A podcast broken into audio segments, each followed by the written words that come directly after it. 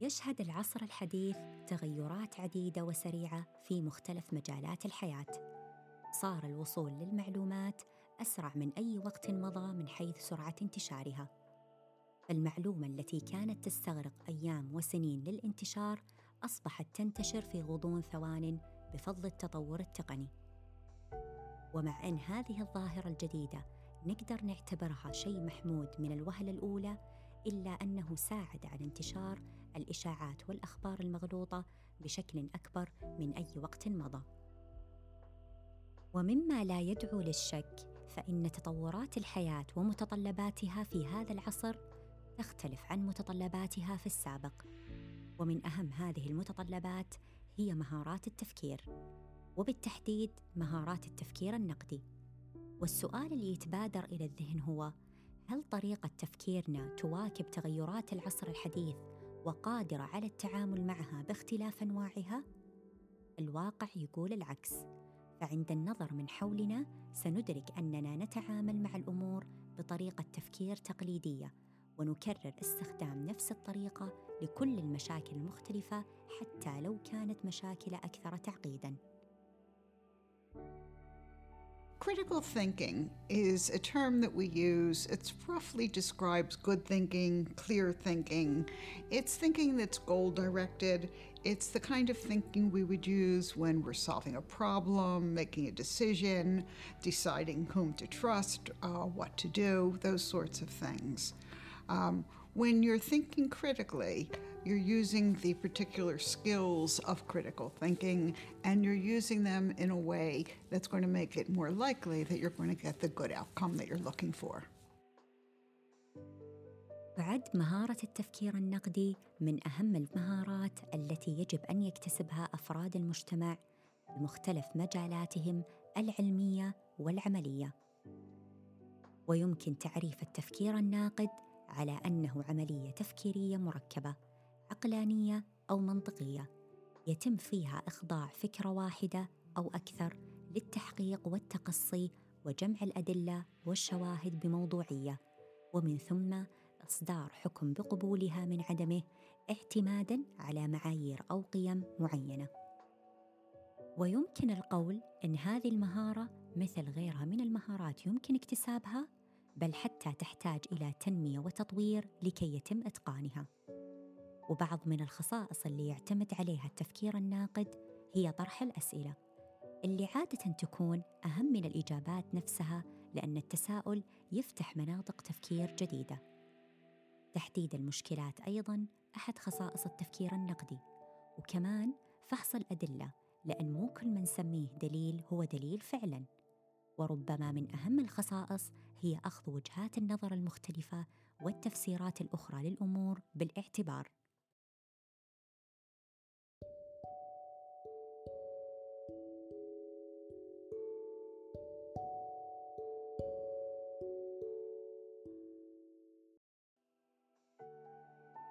حدد العالم باير مهارات رئيسية للتفكير النقدي واللي تساعد الفرد على تطوير هذه المهارة وتنميتها. أحد المهارات هي التمييز بين الحقائق القابلة للبرهان وبين الادعاءات، لأن ليس كل خبر نسمعه هو حقيقة غير قابلة للجدال، أي أنه يجب أن نتأكد من البراهين والإثباتات للتمييز بين الحقيقة والادعاء. مهارة ثانية هي التمييز بين الأدلة الموضوعية والملاحظات العشوائية اللي ترتبط بالادعاءات. فعلى الرغم من أهمية وجود دليل للادعاء المذكور، إلا أنه من المهم أيضاً التأكد من صلاحية هذا الإثبات والبرهان. فعندنا حاجة اسمها ارتباطات إحصائية، زي مثلاً لما نشوف أن أحد أكثر العمليات اللي يحصل بعدها وفاة هي عملية الكتراكت أو ما تسمى بالموية البيضاء اللي تصيب العين. هنا بدون تفكير ناقد ممكن الواحد يعتقد أن هذه العملية خطيرة، لكن بالتفكير النقدي بنعرف أن أساساً هذه العملية يسوونها كبار السن، وبما أن النسبة الأكبر من هذه المجموعة هم طاعنين في السن، فطبيعي يكون في وفيات. مو بسبب العملية نفسها، لا، لأن مجموعة الناس اللي تروح تسوي العملية هذه كثير منهم في الثمانين والتسعين من العمر every survey of employers says what they want most in the people they're hiring and in their current employees is the ability to think well and to communicate clearly. But you really can't communicate clearly if your thinking is not clear. Muddy thinking will never lead to good communication. So, really, good thinking is at the heart of everything we're doing. Uh, technology is changing vastly, uh, how the kinds of uh, tasks that we're responsible for. The world is changing very, very rapidly, and the skills and habits that we have today are simply not going to work. It's in a quickly evolving workplace. ومن المهم تحديد مصداقية الخبر أو الراوي أو مصدر الخبر. فعدم القدرة على تحديد المصداقية بيأثر في الحكم على الموضوع بشكل دقيق. وأكيد طبعاً إن مو جميع مصادر الأخبار تكون موثوقة أو يمكن الأخذ بأخبارها. ومن المهارات أيضاً القدرة على تمييز المغالطات التي تبدو منطقية. الكثير من الادعاءات نحسها منطقية بس عشان صياغتها اللغوية قد تجعلها تبدو وكأنها معلومة صحيحة. القدرة على تقدير درجة تحيز الآخرين أيضا من مهارات التفكير النقدي. فطبيعة البشر قد تجعلهم يميلون إلى جانب أكثر من الآخر بغض النظر عن منطقية وصحة هذا الجانب. وغالبا يميلون للجانب المريح أكثر أو للمعلومة الأسبق أو المعلومة اللي فيها سجع ومسمعها لطيف على الإذن وانحيازات كثير غيرها. عشان نقدر نميز الافتراضات المتضمنة فمن الضروري فهم النص مو فقط الظاهر لكن أيضا المتضمن أو اللي بين السطور يعني. فهناك الكثير من الرسائل المتضمنة التي لا تظهر على السطح من أول نظرة. والقائمة تطول بمهارات التفكير النقدي ويمكن البحث عنها مثل تحليل قوة الأدلة وتحديد التناقضات وغيرها.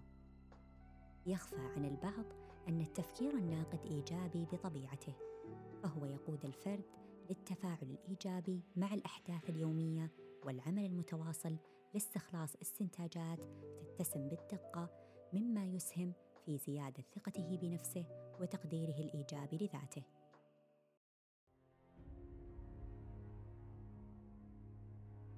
لتطوير المهارات المختلفة اللي تم ذكرها نقدر نتسلح بعدة التفكير النقدي اللي تساعدنا بإذن الله في التعامل مع هذا العصر المليء بالمعلومات التي لا تنتهي. وفي وسط هذا المحيط المعلوماتي وبالعدة المناسبة من مهارات التفكير النقدي نقدر نوصل إلى بر الأمان.